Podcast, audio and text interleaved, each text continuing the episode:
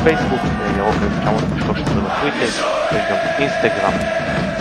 עמית שוב לא יכול להקליט איתנו, וכעונש על זה שהוא לא נמצא איתנו כבר מספר משפטים, אנחנו שולחים אותו לפינה של האצטדיון האולימפי בברלין, למקום הגרוע ביותר כנראה לראות כמו כדורגל במרכז אירופה, אבל כל עוד מכבי זה הכי חשוב ואנחנו נאחל לו ליהנות שם ותקווה נקליט פרק, נראה אם זה עוד שהוא יהיה שהוא בארץ, אולי שהוא בברלין, איתו, בלעדיו. אנחנו נראה בדיוק, אתם תמשיכו לעקוב.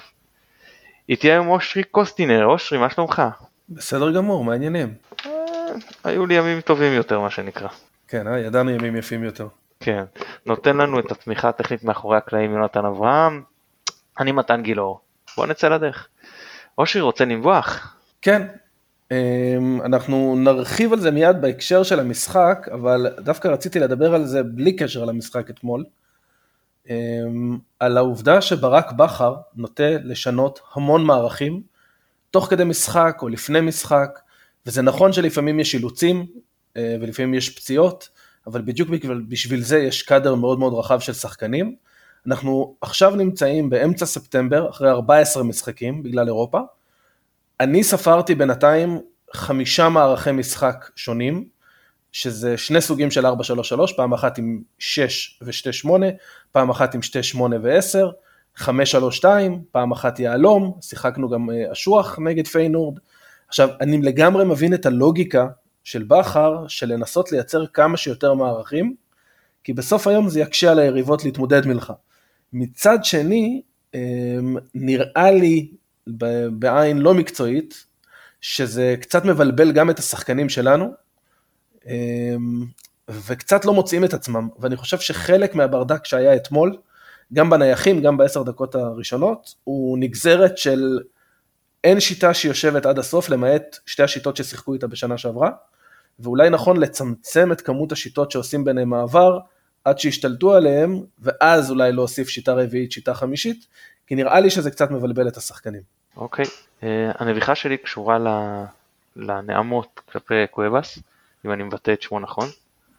עכשיו, היא לא על הנעמות עצמן, שאני כמובן סולד מהן, ואין לי הרבה דברים חיובים להגיד על uh, נעמות וקללות ושאר מירין בישין באצטדיוני כדורגל ובכלל. אבל מה שאני לחלוטין לא מוכן לקבל, ואני כבר דיברתי על זה בהקשרים אחרים ואני אעשה זאת שוב ולצערי כנראה אני צריך לעשות את זה עוד בעתיד, כיוון שהתקשורת התל אביבית אה, מתלבשת על העניין הזה כל פעם מחדש. זה חשוב להדגיש ואני אמרתי את זה גם פה, אין בישראל תקשורת ארצית, אין. יש תקשורת תל אביבית בתפוצה ארצית. וגם אם מדי פעם יש פה ושם מספר עלי תאנה שהם לכאורה מייצגי קבוצות אחרות, התקשורת היא תל אביבית, באופן מאוד מאוד מובהק וברור. והניסיון כל פעם של אותה תקשורת לצבוע את אותן קריאות כגזעניות הוא בזוי, הוא שקרי.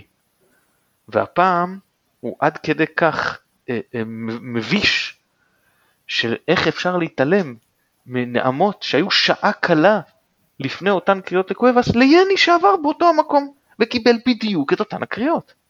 אז אפשר להגיד שהקריאות הן ראויות או אינן ראויות, ושכל אחד החליט מה הוא מרגיש לגבי זה.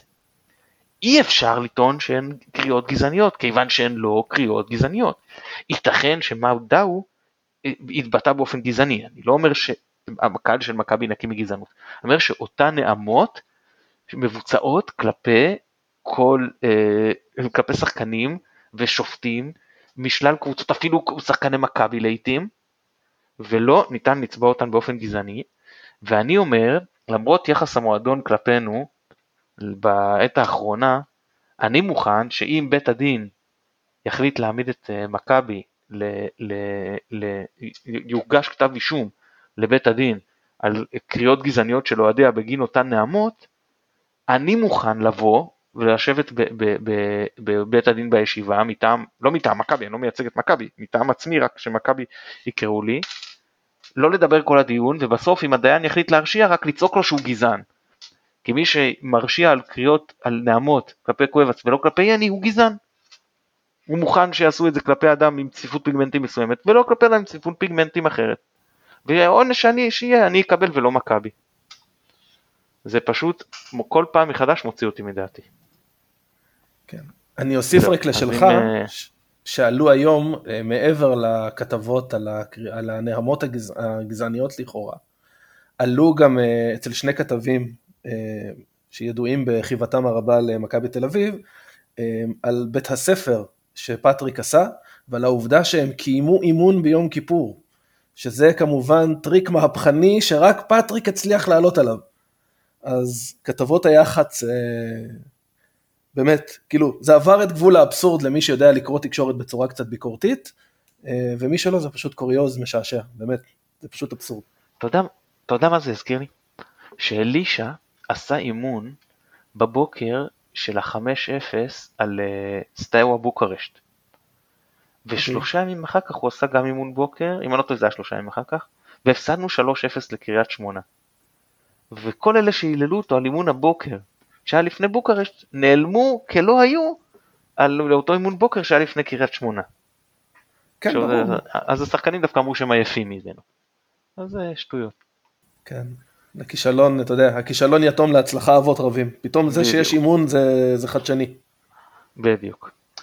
תראה, אני, אני במחילה מכבודך, לרוב אני נותן לאורחים, עמית, אני, לה- להתחיל לסכם את המשחק. ברשותך, כמה מילים אני חייב למשחק לפני ש, שאני נותן לך את רשות הדיבור ותרחיב כמה שאתה רוצה בשמחה. בשמחה. אני, אני רוצה להגיד שמבחינתי, אמנם מכבי היו יותר טובים והכל, בעיקר במחצית השנייה, אבל קשה לדעת איך המשחק היה מת- מתפתח, ובדרך כלל אני יותר אוהב לבוא ולנסות להבין למה המאמן עשה מה שהוא עשה. זו פרשנות אמיתית בעיניי. להגיד, הוא טעה פה ואני הייתי עושה ככה וזה, אני גם עושה את זה, זה נחמד, אבל זה אוהד מהיציע שכולנו מאמנים מה שנקרא. מהמם. הפרשנות שיותר מעניינת, וזה הערך המוסף שאני חושב שאנחנו מצליחים להביא פה, על פני אה, לא מעט אה, פופוליסטים בתקשורת, זה ניסיון להבין למה המא- אותו אה, המאמן נקט בגישה שהוא נקט. אבל הפעם אני אחרוג ממנהגי, משום שבכר בעצמו כבר בריאיון אחרי המשחק נגע בשתי הטעויות הכל כך קריטיות שהוא עשה. אז אם הוא הודה בעצמו, אז בוודאי שאני יכול לגעת בזה כבר בהתחלה. בכר לצערי אה, אש- אשם במידה מסוימת בשני השערים במעשה ובמחדל. בראשון במעשה, שאני כבר לא, הפסקתי לספור כמה נקודות עלו לנו המשחקים בהם רודריגז התחיל כבלם ימני, ובשלב מאוחר יותר נאלצנו להתעשת ולהבין שזה פשוט לא עובד.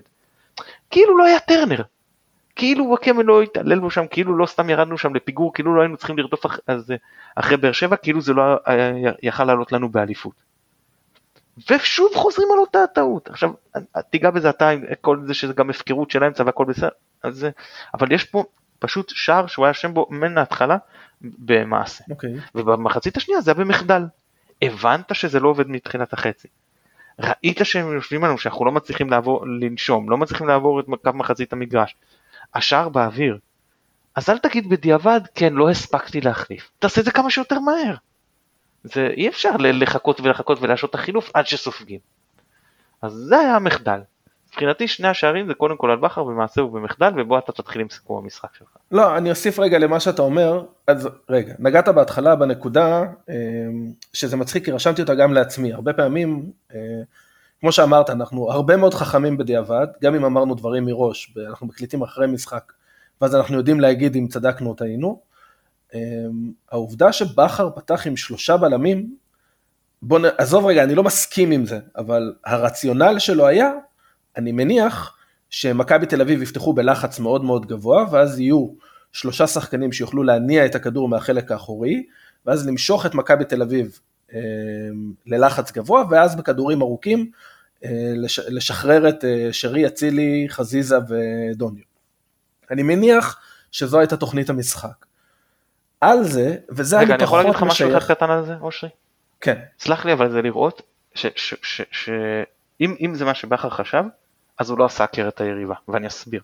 מכבי תל אביב לא לחצו אותנו גבוה במשחק, עובדה שאנחנו אחזנו מהם הרבה יותר בכדור, וגם גיל שלי, שהתארח אצלנו בפרק הקודם של ההסכת, אמר במפורש, חבר'ה, זו לא מכבי תל אביב של העונות הגבוהות של הלחץ הגבוה, אין לנו את הכלים לזה, זה לא הסגנון שלנו עכשיו, אנחנו לא קבוצה של לחץ גבוה, להפך, קבוצה שנוח לנו יותר לחכות מאחור ולצאת להתקפות מעבר מהירות, וזה בדיוק מה שהם עשו. נכון, מסכים. מסכים במיליון אחוז אגב.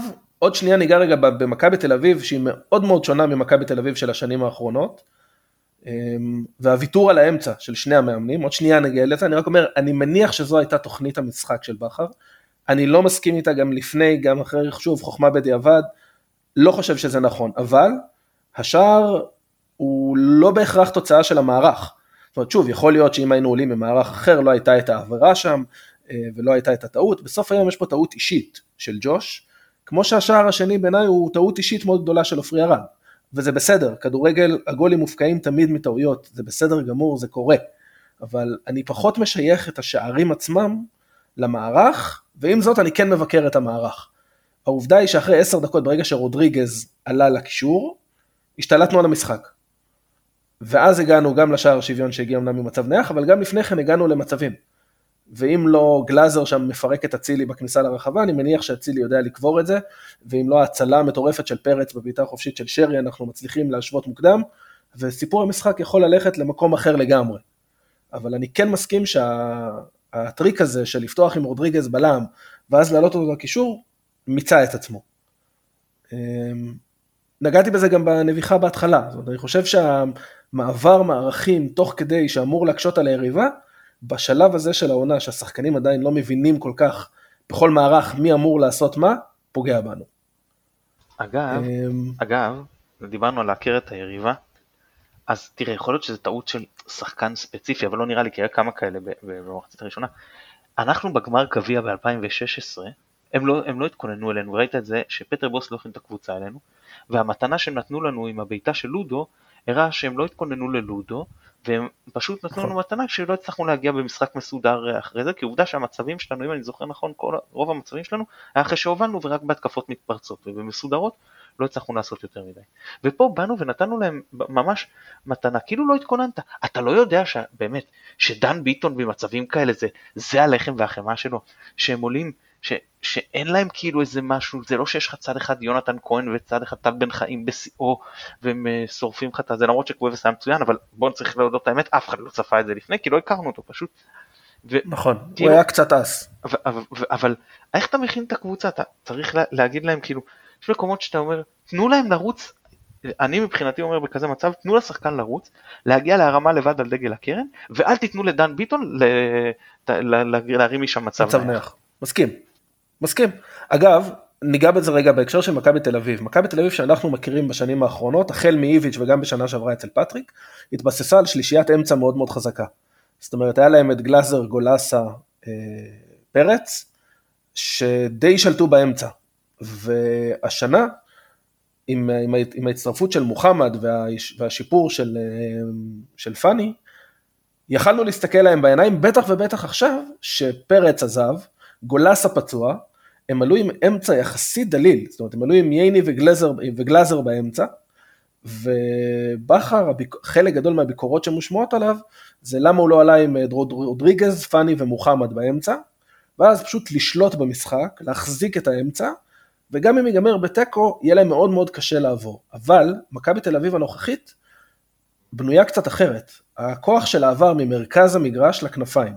יש להם את קניקובסקי בצד אחד, שהוא שחקן מצוין, והוא גם מאוד ורסטילי, זאת אומרת זה לא לצורך העניין אם אנחנו לוקחים את uh, חוזז או טל בן חיים שהם פחות או יותר מוגבלים במספר הפעולות שהם יכולים לעשות.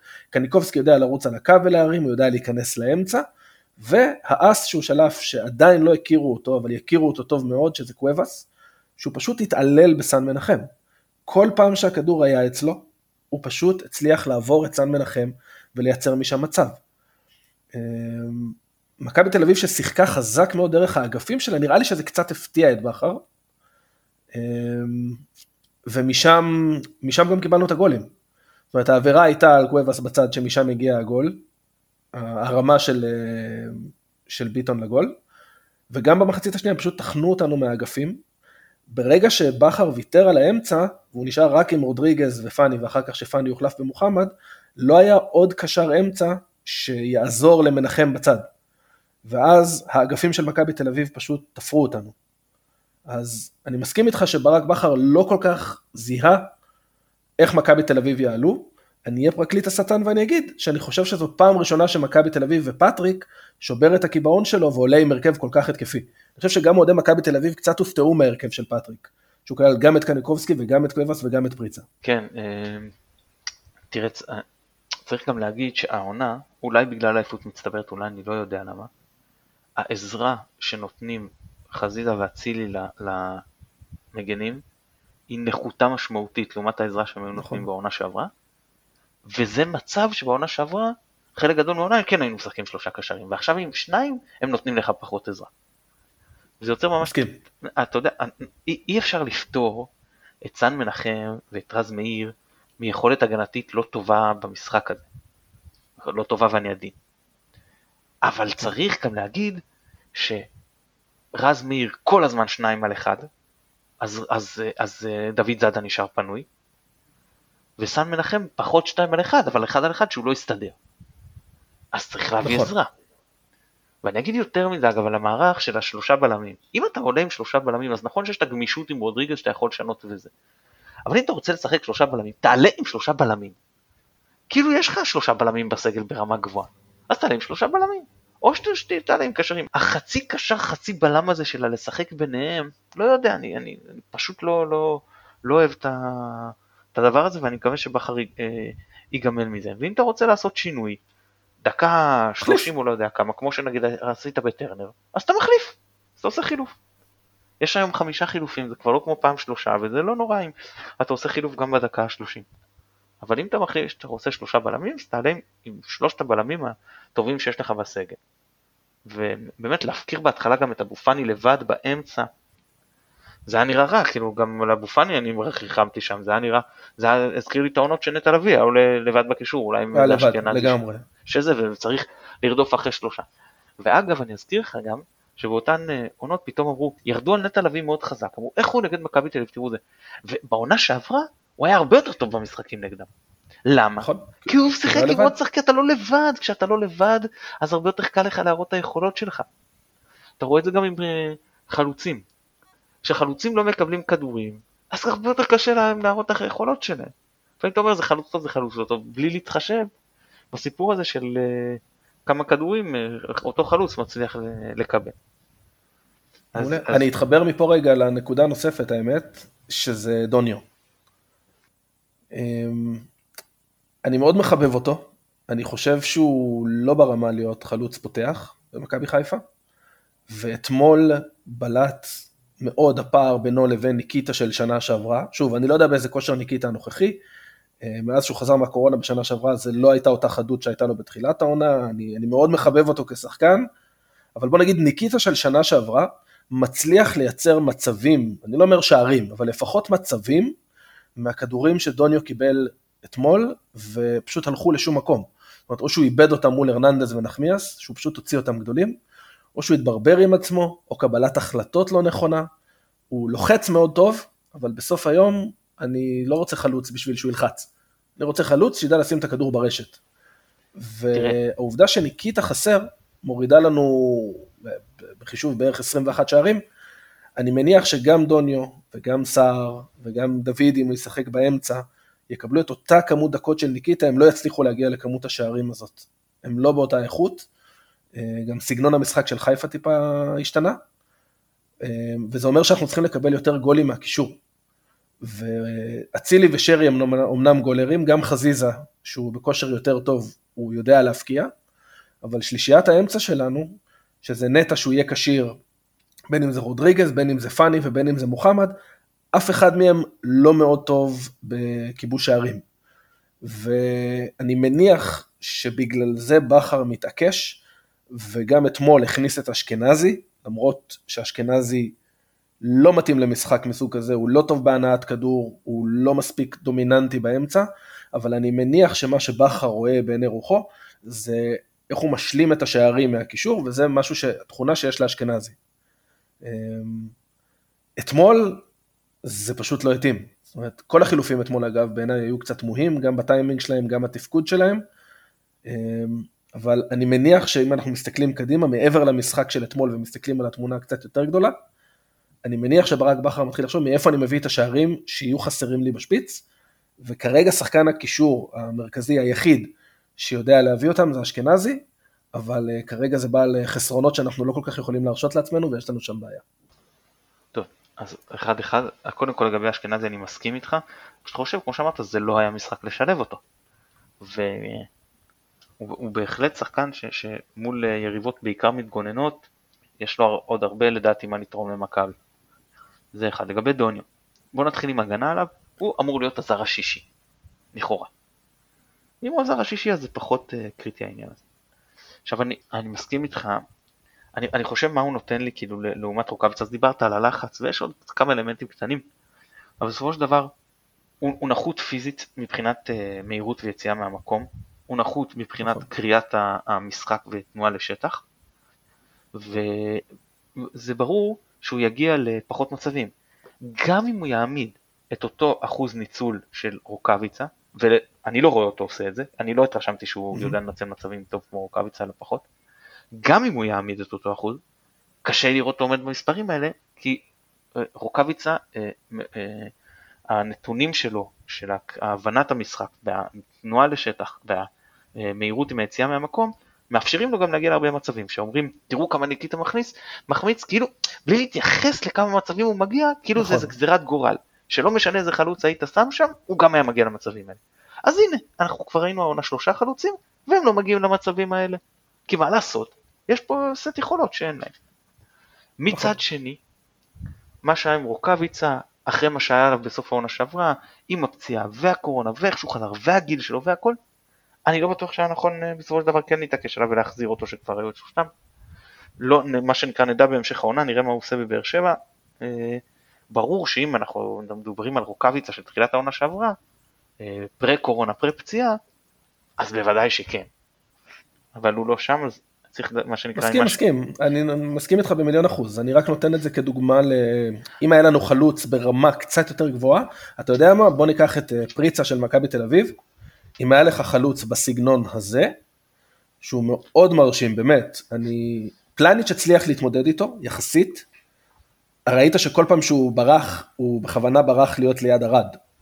אה, אמרתי למישהו את זה, מיסמץ'. אמרתי את זה במהלך המשחק למישהו, שהיה לידי. אז הוא ברח המון כי הוא רצה להיות ליד ארד, וכל פעם באמת שהרימו לו כדור והיה ליד ארד, הוא הצליח להגיע למצב נגיחה.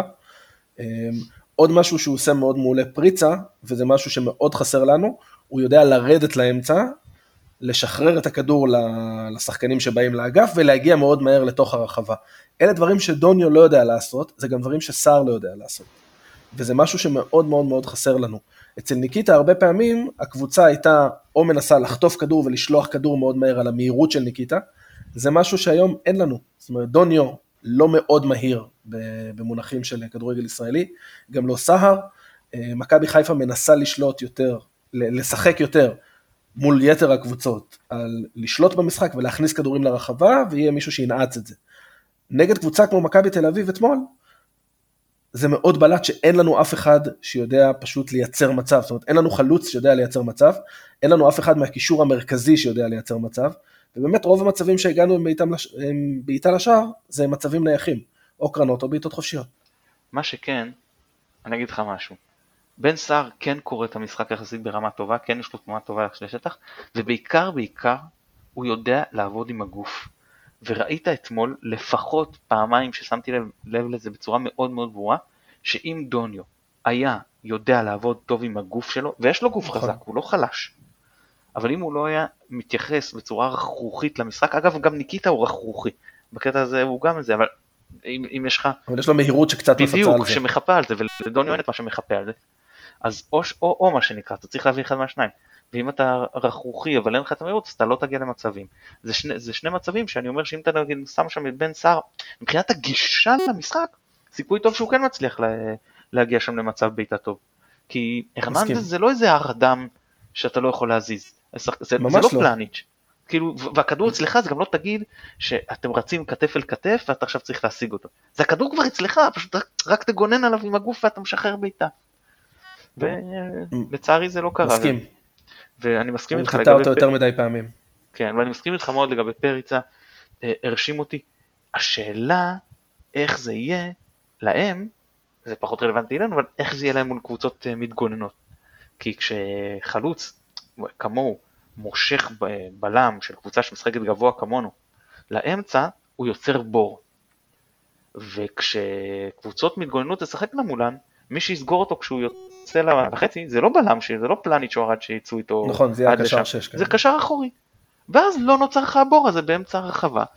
והוא יהיה פחות אפקטיבי, יכול להיות שמבחינת כיבוש הוא גם ייתן מספרים, אבל הוא לא יצליח ליצור לדעתי בשביל שאר הקבוצה את אותם החללים כמו שהוא יצר נגדנו, אבל ימים יגידו, יכול להיות שאני טועה.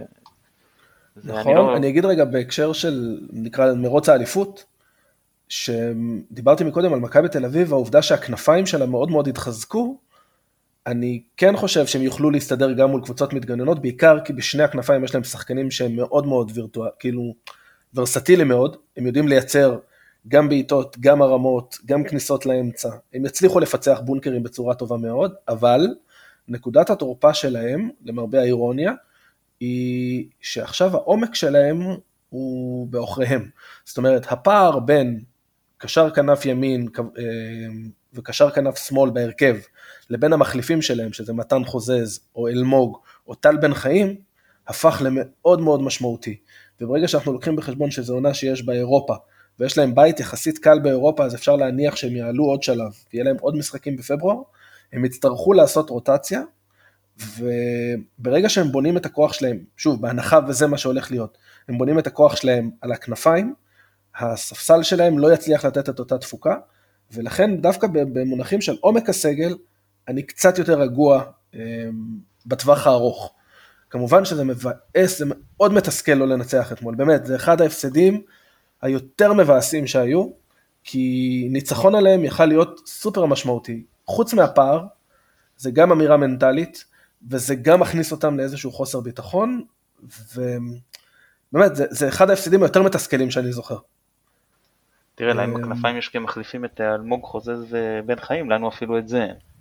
אין לנו אף אחד. אה, יש לך רוטציה, תשמע, אתה יכול לשים את שרי או אצילי, אתה יכול לשים את שרי בכנף, יש לך את חזיזה ודוד, ומדברים גם על אלטמן שאולי יצטרף. אז אני חושב שבכנפיים אנחנו פחות, אה, אפילו עוד פחות עמוקים מהם. טוב, אנחנו נדבר עוד על העומק של הסגל ופציעות כן, וזה, אני רוצה עוד נמשיך רגע להתעסק קצת במשחק עצמו. אז מה, מה, מה לדעתך הולך שם במחצית השנייה, שאנחנו כאילו, כי מחצית ראשונה כמו שאמרת, ספגנו, היינו קצת בפאניקה, יצא בפאני, נכנס עלי מוחמד, היה טוב מאוד מחצית ראשונה, השתחררנו, התחלנו לשחק, סיכנו את השער, אני חושב שבמחצית הראשונה לא היינו לא פחות מסוכנים, השגנו את השוויון, זה היה נראה טוב, זה היה נראה שהם מחפשים כבר את הירידה למחצית, ואנחנו כאילו נכון. רוצים, יאללה, להשיג כבר, להשיג את היתרון. ואיך שעלינו למחצית השנייה זה היה נראה כמו נגד פיינורד, שגם שם 20 דקות ראשונות לא תפקדנו בכלל.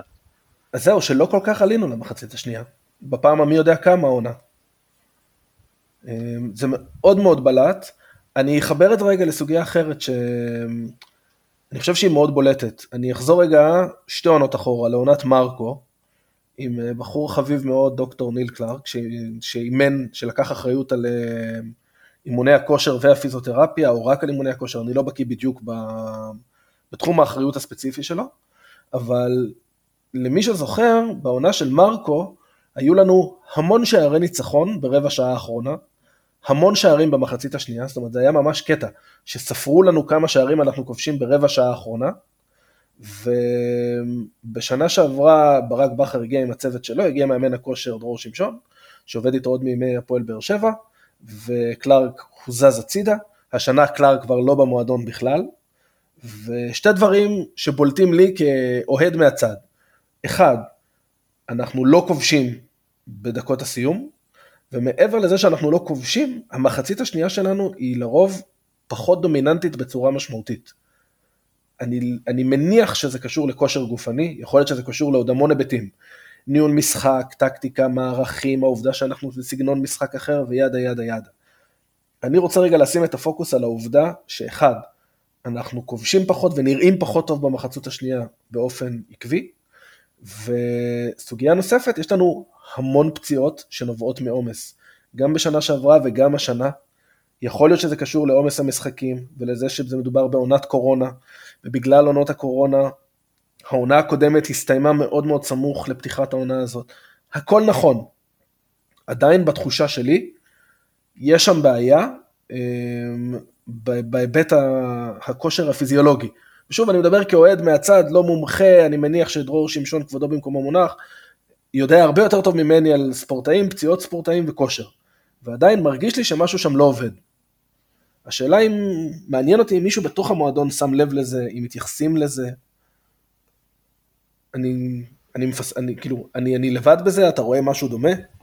לא, האמת שאתה לוקח אותו לנושא הבא, ברשותך אני אגיד עוד משהו אחד קטן לגבי המשחק ואני אגיב. רציתי להגיד לגבי המשחק, שהיה ניכר, לפחות בחלק הראשון, שאצילי מאוד מאוד חשוב לו, כאילו להבקיע בעצמו. אני חושב שקצת לקח את ה... אה, קצת הוציא אותו טיפה מה, מה, מהמשחק. אה, הוא היה טוב, אבל היה כמה מצבים שאני חושב שהוא יכל אה, לפרגן, והרגשתי גם שרז ניר עם כל זה שיש איזושהי מוגבלות שם בהתקפה, יותר מדי פעמים שלא משתפים אותו, מה שגרם לזה שמכבי פשוט הפסיקו באיזשהו שלב פשוט אפילו לשלוח אליו שחקן, אז אפילו תוציא אליו אחת לכמה התקפות כדור כדי שלשאר השחקנים יהיה יותר קל. זה לא היה וחבל. אני, אני עובר להגיב על מה ש, שאמרת, וקודם כל אני מסכים איתך, כמובן, אני גם דיברתי על זה בעבר. אני, אני רוצה להגיד לך משהו רגע במאקרו. אני חושב שמכבי מתנהלת בקטע הזה, כל הכדורגל הישראלי, קצת כמו לפני הרבה מאוד שנים. תראה, פעם היה לך מאמן אחד, היה לו את העוזר שלו, אתה לא יודע, באיזה שלב גם נגיד נוצר אנליסט, היה איזה scout שלו וכל זה. עכשיו יש לך מחלקת scouting, ויש לך מחלקת אנליזה, נכון?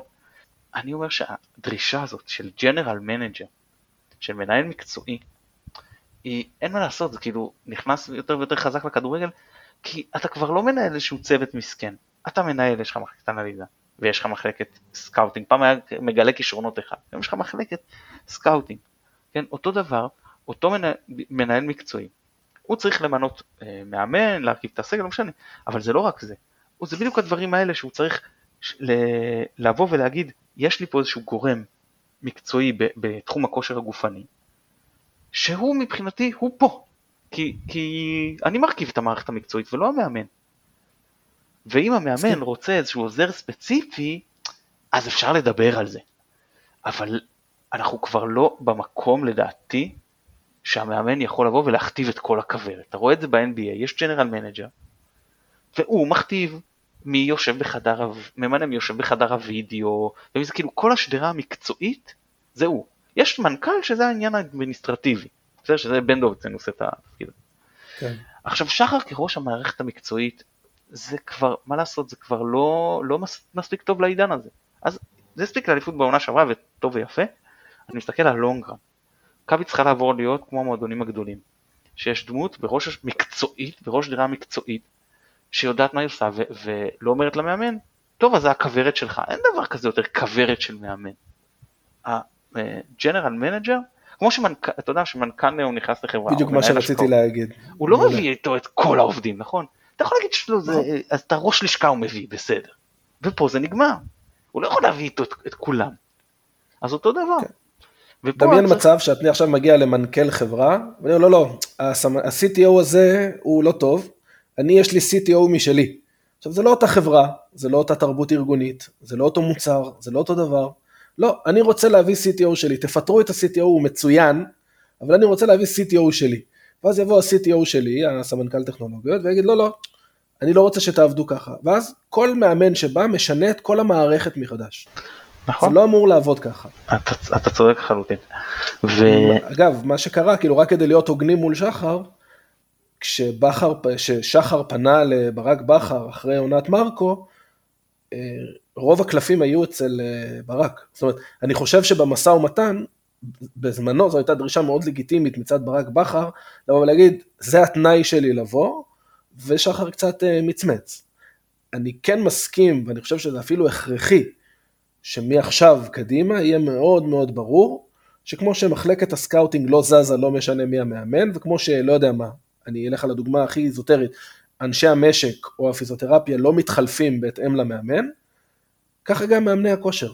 אני, שוב, אני לא רוצה לפגוע בפרנסה של אף אדם, אני בטח לא בתחום שאני בקיא בו מספיק, אבל התחושה היא שאנחנו בתחום הזה ספציפית, לצד המון יתרונות של ברק בכר, המצבים הנייחים וניהול הסגל וניהול המשחק וכו' וכו' וכו', בכל מה שקשור לעולם הפציעות והכושר, התחושה היא שהלכנו לאחור בגדול. אני אגיד לך, תראה, אני מאוד מעריך את בכר, מאוד מאוד. וגם היו לי הרבה ויכוחים על זה עם מועדים אחרים וזה. ועדיין, תראה, העונה כבר אין מה לעשות, זאת העונה וצריך אה, לקוות לטוב. אבל העונה הבאה צריך, לצערי, לבוא לבכר ולהגיד לו, תראה, אנחנו ממנים עכשיו ראש מערך כושר גופני. מישהו ב-level של אה, נייל קלארק. אם אתה מוכן לקבל את זה, אנחנו לא אומרים לך אפילו שאתה צריך לפטר את האנשים שלך, הם פשוט יעבדו תחתיו, לפי התוכניות שלו. חלק מהתכנים הוא יעביר אה, תיאורטיים, חלק מהתכנים הוא יעביר מעשית, חלק הוא ייתן להם להעביר וזה בסדר. הוא לא צריך להעביר את הכל, כמו שאף, כמו, אני אקח שוב, אני אחזור ל-NBA, שם המאמן לא מעביר את כל האימונים, חלק גדול העוזרים שלו מעבירים, וזה בסדר. ואגב, אתה רואה את זה גם, ב... נראה לכם למישהו שפרגוסון היה מעביר את כל האימונים של יונייטד? בוודאי שלא, אולי בהתחלה, אחרי זה, לא, היה עוזרים שמעבירים דברים ספציפיים, וחלק מהתכנים כמובן שהוא היה מעביר. אז אותו דבר, אבל מי שעומד בראש הפירמידה, הוא אה, אה, נותן את, התוכניות, ולהגיד לו, אם אתה מקבל את זה בשמחה, נשאר בהנחה שזה יתאים למכבי. אם לא, אז עם כל הצער שבדבר, אז לא, כי בסופו של דבר יותר מכל מאמן אתה חשוב לך להשריש תרבות אה, מקצועית, תרבות ארגונית נכונה. ואני לא מדבר רק על זה, אני מדבר על שינוי כאילו כולל של כל נושא השדרה המקצועית. ביחד עם זה, אם אתה תשנה רק את זה אז זה כבר לא כזה, זה יכול להשפיע, אבל אם תשנה את הכל אז תקווה שהוא יסכים להישאר, ובסופו של דבר גם אם ברק חולם להגיע גבוה בקריירה שלו, ויש לו את הפוטנציאל. הוא הרי לא יבוא למועדונים, אני לא מדבר עכשיו top אנגליה, שם אני לא מאמין שהוא יגיע, אבל גם אם הוא יגיע, לא יודע, לליגה אנגלית, לליגה ספרדית, לליגה גרמנית, הוא לא ויגיד להם, טוב, אני מביא את כל הכוורת איתי, נו, ברור שזה לא יקרה. הוא כמו שגרנט בא, אז הוא הביא את אה, מרקו נגיד איתו. אבל כל השאר, המועדון הכתיב. ואנחנו גם צריכים להסתכל עלינו ככה מהבחינה הזו. עכשיו, מסכים, אגב, כן, כן. סליחה רק שאני קוטע, אני אגיד, אני חושב שעכשיו, בטח עכשיו שאנחנו אחרי עונת האליפות, ושכאילו ההילה קצת חזרה למועדון, יש את הפאסון לעשות את זה. אני חושב שבשנה שעברה, לפני שלקחנו את האליפות, אחרי תשע שנים שכונות, היה מאוד קשה לשחר לבוא ולהגיד, שמע, אני יודע מה אני עושה, ככה זה יעבוד. אבל עכשיו, אחרי שיש את האליפות, ויש כבר מועדון מסודר, אני, אני מסכים איתך, זה חייב להיות השלב הבא באבולוציה, חייב. ותראה, אין ספק ש, שיש פה בעיה עם הנושא הכושר הגופני וחלוקת העומסים. אני מסתכל כרגע על הרוטציה שלנו, ואני אומר, אוקיי, בשוער בסדר, הגנה אנחנו בסדר, עזוב רמה לא רמה. אתה מסתכל לכל עמדה בהגנה, יש לכאורה מחליף, יש לך שני מגנים ימנים, עכשיו סטריין פצוע, אבל בסדר, אז נשארת רק עם מאיר, אבל אה, נראה כמה זמן ייקח לו עד שהוא יחזור. כן. מאיר יחסית לא פציע, אני מקווה שעם כל העומס שהיה עליו זה גם לא יגרום לו לפציעה. כי אנחנו באמת נהיה בברוך. שלושה בלמים, פה אין בעיה, אפילו רמי גרשון בקונסטלציה מסוימת, אבל... ושניים עד שלושה מגנים שמאליים. פה אנחנו יחסית מכוסים. עכשיו מבחינה תאורטית אנחנו גם בהם, מכוסים באמצע, אבל עכשיו הבעיה היא שיש לך שניים פצועים, פצועים שבועות קדימה, וזה יוצר מצב שאתה כבר לא יכול לעלות עם אמצע חזק. אז אם אתה רוצה לעלות עם ההרכב אה, א' שלך, זה מכריח אותך לעלות בסוג של 4-2-3-1, או תקרא לזה 4-3-3 עם שרי בקישור, זה לא משנה, כאילו עם ארבעה שחקני התקפה. נכון. ואז מה שקורה שעל החבר'ה האלה שהזכרנו אותם, אצילי, אה, חזיזה, שרי, יש עומס מאוד מאוד גדול, כי אתה לא עושה רוטציה ביניהם, הם, הם שלושתם פותחים. וזה נכון. גם בסופו של דבר יוליד לאיזושהי פציעה שלהם, וגם ככה היה לך מצב שאתה יודע שחזיזה לא 100% ואתה יודע שאצילי לא 100%, זה כבר כאילו, אתה מכניס אותם לעומס בכזה מצב. עכשיו, אה, מי שאמור להיות לכאורה הרוטציה לחזיזה, דיברנו זה דין דוד, אבל בן סער פצוע, אז עכשיו הוא חייב להיות הרוטציה עם דוניו בחלוץ. ושוב חסר לך, כי כל מה שקשור להתקפה, אה, אנחנו, ואשכנזי עוד לא בכושר וזה, אנחנו מאוד מאוד, אני אגיד לך ברמה של, אני פסימי כאילו באיך זה ישפיע על העונה, שאני מסתכל על העומס שיש לנו ספטמבר אוקטובר, שזה החודשים הכי עמוסים אולי כנראה עד האביב, ואני פסימי. כי האמצע הזה הולך להישחק הדק, וההתקפה הזאת הולכת להישחק הדק, ואני לא יודע אם, מה יקרה קודם, יחזרו הפצועים או ייפצעו אלה שעכשיו כשירים. וזה ממש יכול לקרות, כי העומס עליהם הוא בלתי נתפס, והוא רק יתגבר. אני רואה עכשיו יש לך את מכבי פתח תקווה, אוניון ברלין, טיסה באמצע, טיסה חזרה באר שבע, כל זה תוך שבוע. משחקים שלושתם לא פשוטים, מכבי פתח תקווה אני אזכיר, הוציאו תיקו נגד מכבי תיקו נגד הפועל תל אביב, לא קבוצה שיש לזלזל בה, בוודאי לא משחק חוץ באירופה נגד קבוצה מבונדסליגה, אתה חוזר פה באר שבע, שהיא באחת משלוש המתמודדות לאליפות, ורוני לוי יודע איך לעשות לך כאב ראש במרכז המגרש. הוא לא מאמן גדול, אבל מה שהוא יודע לעשות זה לעבוד שם ולעשות צרות. אז אני אומר מה, עלי מוחמד ורודריגז הולכים לשחק את כל הדקות האלה? אה, רודריגז בסוף, מעבר לזה שראית שהוא כבר עם הלשון בחוץ, שזה פוגע בך מקצועית אה, באותן נכון. דקות, איך, כמה הוא יכול לשחק בלי סוף בלי להיפצע, זה גם יקרה בסופו של דבר. אני, אה, יש פה באמת... נכון, אני מניח שזו הסיבה שג'אבר קיבל דקות. כן, יכול להיות, יכול להיות. מקווה שזה, אין, באיזה שלב אתה צריך, לא יהיה לך ברירה לשתף אותו, אני מקווה שזה לפני שמישהו מהם ייפצע, ולא מאונס שאין לך ברירה. אני, אני ממש כאילו, אתה יודע, זה כמו, אומרים שהיה לך שמיכה בהתחלה, שאני חושב שהיה חסר לנו קיצוני, אבל לא משנה זה, אבל לא טיפלת בה מספיק טוב, זה עניין הכושר הגופני, ואז היא נקרעה לך קצת. אז עכשיו אתה מותח אותה מכל הכיוונים, וזה לא שהיא, והיא נמתחת ונמתחת, ובאיזשהו שלב מתחילים עוד ועוד קרעים. כי אין מה לעשות, ואז זה עוד יותר, וזה חוזר על עצמו. כאילו ככל שאתה, הסגל שלך נהיה יותר דליל, הפוטנציאל שהוא ימשיך להידלל הוא עוד יותר גדול. הפוטנציאל שתמשיך לאבד שחקני ליבה הוא עוד יותר גדול. וזה דווקא כשאתה נכנס לכזה עומס, והחזירו את לוי מוקדם מדי, כנראה, לא יודע, בוודאות, אבל כל פעם שהוא חוזר הוא חוזר ונפצע לעוד יותר זמן. וסטריין כנראה חזר מוקדם מדי, ושוב נפצע. וכל העניין זה באמת, אני, אני פשוט חושב על העומס שצפוי בעיקר לפלניץ' שאולי כן יש לך רוטציה מסוימת שאתה יכול לעשות שם, אבל שני הקשרים, אה, עלי מוחמד ורודריגז, והשלישייה הזאת של אה, שרי אצילי חזיזה, אני, אני באמת, אני פשוט, כל אחד ואחד מהם שיסיים, יגיע לסוף אוקטובר, כשיר לאורך כל התקופה, זה יהיה סוג של נס מבחינתי. לגמרי, אני, אני רק אוסיף, אני חושב שהסיבה שג'אבר קיבל דקות במשחקים האחרונים זה באמת קצת ראייה קדימה של בכר, שצריכים לבצע רוטציות. לא יהיה מנוס מלהקריב חלק מהמשחקים. זאת אומרת, בשלב מסוים, אם נבין שאנחנו לא הולכים להעפיל מהבית האירופאי, אתה תיתן שם מנוחה לשחקנים שיותר חשוב לך להביא נקודות איתם בליגה. אתה תצטרך לצורך העניין לגמור משחקים בליגה יחסית מוקדם יותר, או לקחת את הסיכון שהמחליפים ידעו לשמור על התוצאה. אוי, זה, אין זה, מה לעשות. זו נקודה כל כך חשובה וטוב שהזכרת לי אותה כי אני חשבתי עליה לפני השידור. עופר פרוסנר, אשר התארח אצלנו פה לא מעט, יקירי, אה, ואני יש לנו גישה שאומרת שהרבה יותר כיף משחק של garbage 2, 3-0, 2-0, 3-0, שאתה מוביל דקה 30 וכל שאר המשחק הוא על מי מנוחות בקצב נמוך, מאשר שאתה מפרק את היריבה 5-0 בכדורגל מרליב. שנינו יותר אוהבים את המשחקים האלה, לא רק כי הלב שלך לא בפאניקה, אלא כי אתה יודע שהקבוצה תגיע למשחק הבא טוב. בדיוק. אז ברור שאם זה משחק אחרי משחק אחרי משחק, אז אתה לא מתרגל לשחק 90 דקות אה, באינטנסיביות, זה בעיה. אבל פה אין לך את הבעיה הזאת, אתה כל הזמן באינטנסיביות. ומשחקים אה, כאלה כמו טורשבן, כמו בקו, שהובלת משחקים כמו טביליסי, ואז בדקות האחרונות התנפלת והיית נהדר והבקעת עוד שניים וזה באמת מלהיב וזה והבקעת פה ארבע ופה חמש ופה שבע ואיזה כיף ואתה משלם על זה עכשיו. בדיוק. זה משחקים שהיית צריך בשלוש אחד, בשתיים שלוש הפרש להחליף את, את שחקני הליבה, להוריד קצב ואז להגיד בסדר אז אני מנצח את בקו רק שלוש ולא ארבע אפילו שלוש אחד זה לא קרה כלום זה נכון שזה גישה שיש בה משהו תבוסתני, לא מכבי חיפה הנוצצת שאנחנו גילים מהימים הטובים.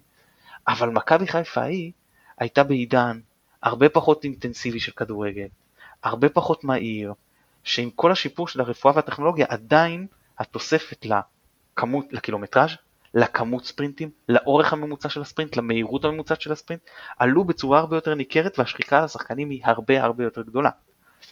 ואני מזכיר שגם לדעתי אליפויות כמו 2010, כמו 2003, אליפויות שהפסדנו, כמו שאני רואה את זה, לא מעט על סגל שחוק. נכון, ואנחנו, גם ככל שאתה לא מצליח לגמור משחק מוקדם, אתה גם לא תצליח את הבא אחריו, כי אתה כבר נכנס איזשהו לופ שהכל קשה, אני עייף מההתחלה. ואני מסכים איתך, כאילו, אנחנו נצטרך לדעת לעלות לפעמים ל-2-0 מהר, ופשוט לסגור את המשחק. עם כל זה שזה בדיוק. כאילו לא מכבי חיפה, אבל אם אנחנו רוצים, ויש לנו שאיפות העונה, להצליח בכמה מסגרות, עזוב בכמה מסגרות. יש לנו שאיפות לסגור שוב באליפות. אז זה חייב להיות שאנחנו לא נמצא את עצמנו אה, רודפים כבר בפער אה, גדול מדי. אה, כי מכבי תל אביב, שהם משחקים באירופה, זה לא אינטנסיביות של פיינורד לשחק מול אה, אלשקרט, איך שלא קוראים להם. כן, מול הציידי לוויתנים מפארו. כן, אין, אין מה להשוות, אני, אני היום ראיתי את פיינורד, היום פתחתי טלוויזיה ואמרתי רגע בוא אני רוצה לראות את פיינורד, בוא שאני אבין מה, מול מה שיחקנו, ראיתי אותנו מול פיינורד, אני רוצה אותם שוב. זאת קבוצה ברמה גבוהה שלעסה את איינדהובן היום, אמנם הם לא, לא השתלטו על מרכז מרכז, שיחקו מאחורה, ונכון שעד דקה 60 בערך עוד היה איכשהו שקול, אבל, אבל הם אותו הרכב אגב, שינוי אחד בהרכב, עשרה שחקנים. פשוט פירקה קבוצה כמו איינדובן, זה לא איזה, אתה יודע, איזה קבוצת תחתית בליגה ההולנדית. וזאת קבוצה שהרגשת גם במשחק, כולם אמרו גאים וגאים, בסדר, כולם אמרו כמה היינו גאים בשחקנים. היינו גאים בשחקנים כי הם באמת נתנו את הכל, כל מה שהיה להם. אז ברור שהם הגיעו מיכלים מרוקנים, וכשאתה מיכלים מרוקנים אגב, זה גם הסיכוי לפציעה הרבה יותר גדול. מסכים, אני אגיד שבסופו של דבר יצטרך לשבת, אני מניח שברק בכר, ולהגדיר מה, מה הפריוריטי שלו. זאת אומרת, האם הליגה היא הדבר הכי חשוב אה, בראייה של העונה, האם אירופה היא מספיק חשובה, כי אנחנו משחקים גם על נקודות דירוג שיכולים לעזור לנו אה, בשנה הבאה או בעוד שנתיים, ואז על סמך זה פשוט לעשות רוטציות. עכשיו, בליגה, עוד בגלל הפרשי הרמות, אתה יכול לנסות לפתוח באינטנסיביות מאוד מאוד גבוהה, אני מניח שזה גם מה שיקרה במשחקים הקרובים. לתת את ה-1 או 2-0, ולבצע חילופים שישמרו לך על שיר, על שרי, אציל, מה שהגדרת כשחקני הליבה. אני מניח שלשם זה ילך. יכול להיות שבמקביל באירופה, סתם, פיינורד חוץ, אתה תבוא ותגיד, למרות שזה המשחק האחרון בדצמבר, אז סתם דוגמה, אה, אתה תגיד, אני עולה פה עם הרכב משני, כי אני יודע שהסיכוי שלי להוציא פה נקודות הוא נמוך, לפחות אני אשמור את הדקות עבור השחקנים. אבל לשם זה הולך, וככה מתנהל כדורגל תחרותי ברמות הגבוהות. אין מה לעשות, אי אפשר לברוח מזה. עוד אפשרות, מה שעשתה מכבי תל אביב של אה, איביץ', אם אני זוכר נכון, לא פעם, וגם את זה בדיוק מה שאנחנו עושים נגד הפועל תל אביב בחצי גמר גביע הטוטו, בסדר זה גביע הטוטו, אבל רק כדי להבין, זה לעלות להפך, לשמור את הכמה כוכבים שלך, להגיד יש לי סגל יחסית רחב, אני מאמין במחליפים שלי, אני אולי עם הרכב יותר מבוקר, משחק יותר סולידי, מביא את המשחק לתיקו, לפעמים אפילו פיגור שער לא נורא, אבל בעיקר לתיקו לחצי שעה, שעה אחרונה, בזה אני מאמין שהם יהיו מסוגלים לו מול לא מעט קבוצות, ואז אני מכניס את הכמה כוכבים שיגמרו את המשחק. אתה ראית שההגנה של הפועל תל אביב הייתה יפה, פתאום הכנסת להם את שרי, אצילי, אז זה פירק אותם. נכון. כי... עכשיו, ברור שאתה פחות יכול לקחת את הסיכון הזה בליגה, אבל יכול להיות שיש משחקים שאתה אומר, לפני או אחרי, או סתם, אה, אתה מבין, כאילו, אה, נגיד מול באר שבע אתה לא תעשה דבר כזה, זה ברור, אבל אם יש לך משחקים אחרי זה, אני לא זוכר עכשיו את לוח המשחקים, נגיד אחרי באר שבע לפני אירופה שם או משהו, או בהמשך, אני לא, שוב לא רוצה לנקוט עכשיו בריבות ספציפיות, כי אני לא זוכר את לוח המשחקים בעל פה, יכול להיות שכן זה שווה לעשות את זה, ולתת לשחקנים שלך, אחרי או לפני אירופה, לא לשחוק את עצמם. אה, אני מניח שלשם זה גם ילך. זאת אומרת, אני, אנחנו נראה יותר ויותר רוטציות, יותר ויותר דקות של uh, סגל משני, אה, פשוט אין ברירה. טוב, אז אם אנחנו, uh, עוד משהו לנושא הזה, או שנעבור לדבר uh, לקראת המשחק ברביעי? לא, בוא נדבר על רביעי. יאללה. אז יש לנו את uh, הפועל באר שבע, אני רק אציין לגביהם, שאומנם אין להם אירופה, אבל יש להם מכבי תל אביב ביום ראשון, אם אני לא טועה, ואני מניח שגם... הם אה, לא ירצו לעלות עם ההרכב הראשון לשחוק את עצמם, מצד, מצד שני יש להם פחות עומס, אז הם כן אולי יכולים לתת לחצי הרכב או משהו כזה, קשה מאוד לדעת, אני, אני מקווה שהם יעלו עם כמה, גם אם מחליפים, גם כי זה משרת אותנו וגם כי זה יאפשר להם לעלות בהרכב יותר טוב מול מכבי תל אביב, שאומנם אני רואה כשתי הקבוצות כאיזה שהן אה, קונטנדריות, אבל עדיין אני חושב שמכבי תל אביב, אה, למרות שהם באירופה ולמרות הפתיחה הפחות חזקה שלהם, אה, עדיין אני חושב שהם מועמדים יותר רציניים מבאר שבע ל... אתה חושב שהפועל באר שבע יהיו, בוא נגיד באזור מרץ-אפריל, במרחק דיבור על אליפות?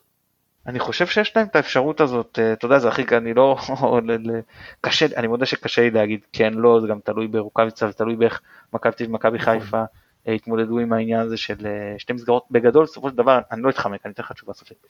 בגלל שאנחנו בתל אביב באירופה, אז אני, אני חושב שכן, שבאר שבע יש להם את האפשרות להגיע לתחילת פלייאוף, מרחק של, אה, כאילו ממקום ראשון מרחק של פחות משני משחקים. ושם אתה יודע זה כבר עניין של כושר עומס מצטבר ששם ראינו איך הוא הפיל את מכבי תל אביב בעונה שעברה, אז כן זה דברים שאני רואה, בהחלט אני רואה אותם מגיעים לשם ככה. אוקיי. טוב אז בוא אה, תגיד את ההרכב שלך לקראת המשחק ונראה אם, אם אתה עושה רוטציה בכלל כמה רוטציה. אז אני אתחיל במקרו, אני המשחק הזה, ושוב, כאילו זה תואר נחמד, אני בעיניי הליגה, הוא לא שווה, הוא לא מצדיק אובדן של נקודה בליגה, בעיניי. שוב, אפשר להתווכח על זה. אני הייתי עולה שם עם, עם הרכב משני לחלוטין, נותן גם לאצילי, גם לחזיזה, גם לשרי לנוח, גם אולי, ל, אה, אולי, אולי עולה בכלל עם אה, אשכנזי וג'אבר באמצע, עולה באגפים עם אה, דין דוד, דוניו חלוץ, הייתי עולה עם הרכב משני לחלוטין, שון גולדברג שישחק, שסן מנחם ינוח קצת, לצערי אין לי מגן ימני אחר, אחר הייתי נותן גם לרז מאיר לנוח, אה, פלניץ' ינוח ויעלה במקומו דהן או גרשון, המשחק באמת ממש לא מעניין אותי. שוב, זה נחמד כתואר, זה לא באמת, זאת אומרת, אם תגיד לי אם התואר הזה או לקחת שלוש נקודות בליגה נגד באר שבע, אין פה בכלל בעיניי, שוב, אסטרטגית, בעומס המשחקים ובמכת הפציעות שיש לנו כרגע, לא הייתי מסכן את אה, שחקני הליבה שלי, הייתי פותח עם הרכב משני. אני מניח שרוני לוי יעשה אותו דבר, כי יש לו את מכבי תל אביב. שתי הקבוצות ישמחו להגיע לפנדלים, או אתה יודע, דקה 70 כזה, כמו שאמרת קודם, 75, לזרוק פנימה את חזיזה, אצילי, שרי לנסות לקחת שער, ואם לא, אז פנדלים 50-50, ואני לגמרי אחיה עם זה בשלום. אוקיי, okay, אז אה, אני, אני, מה היית עושה? אני ברשותך אני לא מסכים איתך, אני חושב שזה משחק על תואר, זה משחק חשוב מאוד, ולכן תקשיב את ההרכב שלי טוב טוב, משחק קריטי שאני לא הייתי מוותר עליו. Mm-hmm. בשער משפטי, מגן ימני שחקן מהנוער, לא נותן לרז מאיר לראות דשא. ארד, גרשון, גולדברג כשלושה בלמים, טוואטחה כמגן שמאלי, ג'אבר לוי ואשכנזי בקישור, סער אם יכול לשחק בתקווה, ואז דוניו ודין דוד מחצית מחצית. זה ההרכב שלי, אף אחד שאני בטוח פה שהוא כאילו מבחינתי שחקן הרכב של אה, יום חמישי, לא רואה יותר ממחצית, וגם זה רק אה, דוניו דין דוד, כי, כי כאילו, כי הם, לא, כי הם כל הזמן מחליפים אחד את השני ואף אחד מהם לא משחק 90 דקות, אז אני יכול כן, הם לא, לעצמי, הם לא נופלים בקטגוריה שלהם. אני יכול להרשות לעצמי עליהם, כל השאר, אף שחקן הרכב לא עולה, לקראת הסיום, מישהו שיותר כשיר, נגיד שרי וזה, אם חזיזה מרגיש טוב, סבבה. כל השאר, כמה שפחות דקות, בטח לא בהרכב. זה פשוט... אה, בדיוק, שבו בפצפצים על הספסל. מוכן לאכול פה, באמת, עם כל הבאסה, מוכן לאכול גם 3-0 במשחק הזה, ולדעת שאני הולך, ל, ל, ל, סליחה, ליום ראשון, חמישי, ראשון, ואני מנסה שם לעשות את המקסימום. כמו שאמרת, לא יודע, אולי אם נפסיד בברלין, נעביר את, את אירופה ל, להולד מסוים, אני לא, ל, ל, תלוי איך זה יתפתח, כן, אבל מבחינתי הליגה זה הדבר הכי חשוב. ויום ראשון אני רוצה לפתוח עם ההרכב הכי טוב שאני יכול לפתוח, עם כמה שפחות פצועים, כמה שפחות עייפים. במשחק הזה אני, אני הולך אליו, אבל פשוט לא, לא מעניין אותי מבחינת ה... ה כאילו, אני אשמח לראות את החבר'ה האלה מביאים תוצאות, זה גם אפשרות לבחון אותם, זה אפשרות לתת להם דקות שייכנסו לכושר כדי שאם מישהו ייפצע, כדי שאם צריכים להיכנס מחליפים, אז שיהיה להם כמה שיותר דקות, זה בדיוק הדברים, בשביל זה צריך לנצל את המפעל הזה. לא בשביל לזכות, אם תהיה הנפה זה יהיה נחמד, אני מודה שאפילו להנפה באלוף האלופים לא נשארתי. וכאילו, זה לא מעניין אותי, נו באמת, התארים האלה לא מעניינים אותי, זה, זה, אני בא לראות את מכבי כי זאת מכבי. אבל הליגה זה מה שחשוב. בדיוק. העיניים על התמונה הגדולה, התמונה הגדולה זה אליפות. טוב, אה, עוד משהו לקראת המשחק ברביעי? לא, רק שיצאו מזה בלי פציעות. אם אפשר עם גביע זה יהיה נחמד, יותר חשוב שאף אחד לא ייפצע. מסכים לחלוטין. אושרי, נעמת לי מאוד, המון המון תודה שהתארחת אצלנו. בכיף, תודה מתן, ערב טוב. אנחנו שוב נודה ליונתן אברהם שנתן את התמיכה הטכנית מאחורי הקלעים. אני מתן גילאור, תודה רבה שהאזנתם ושיהיה לכם חג שמח. ביי ביי.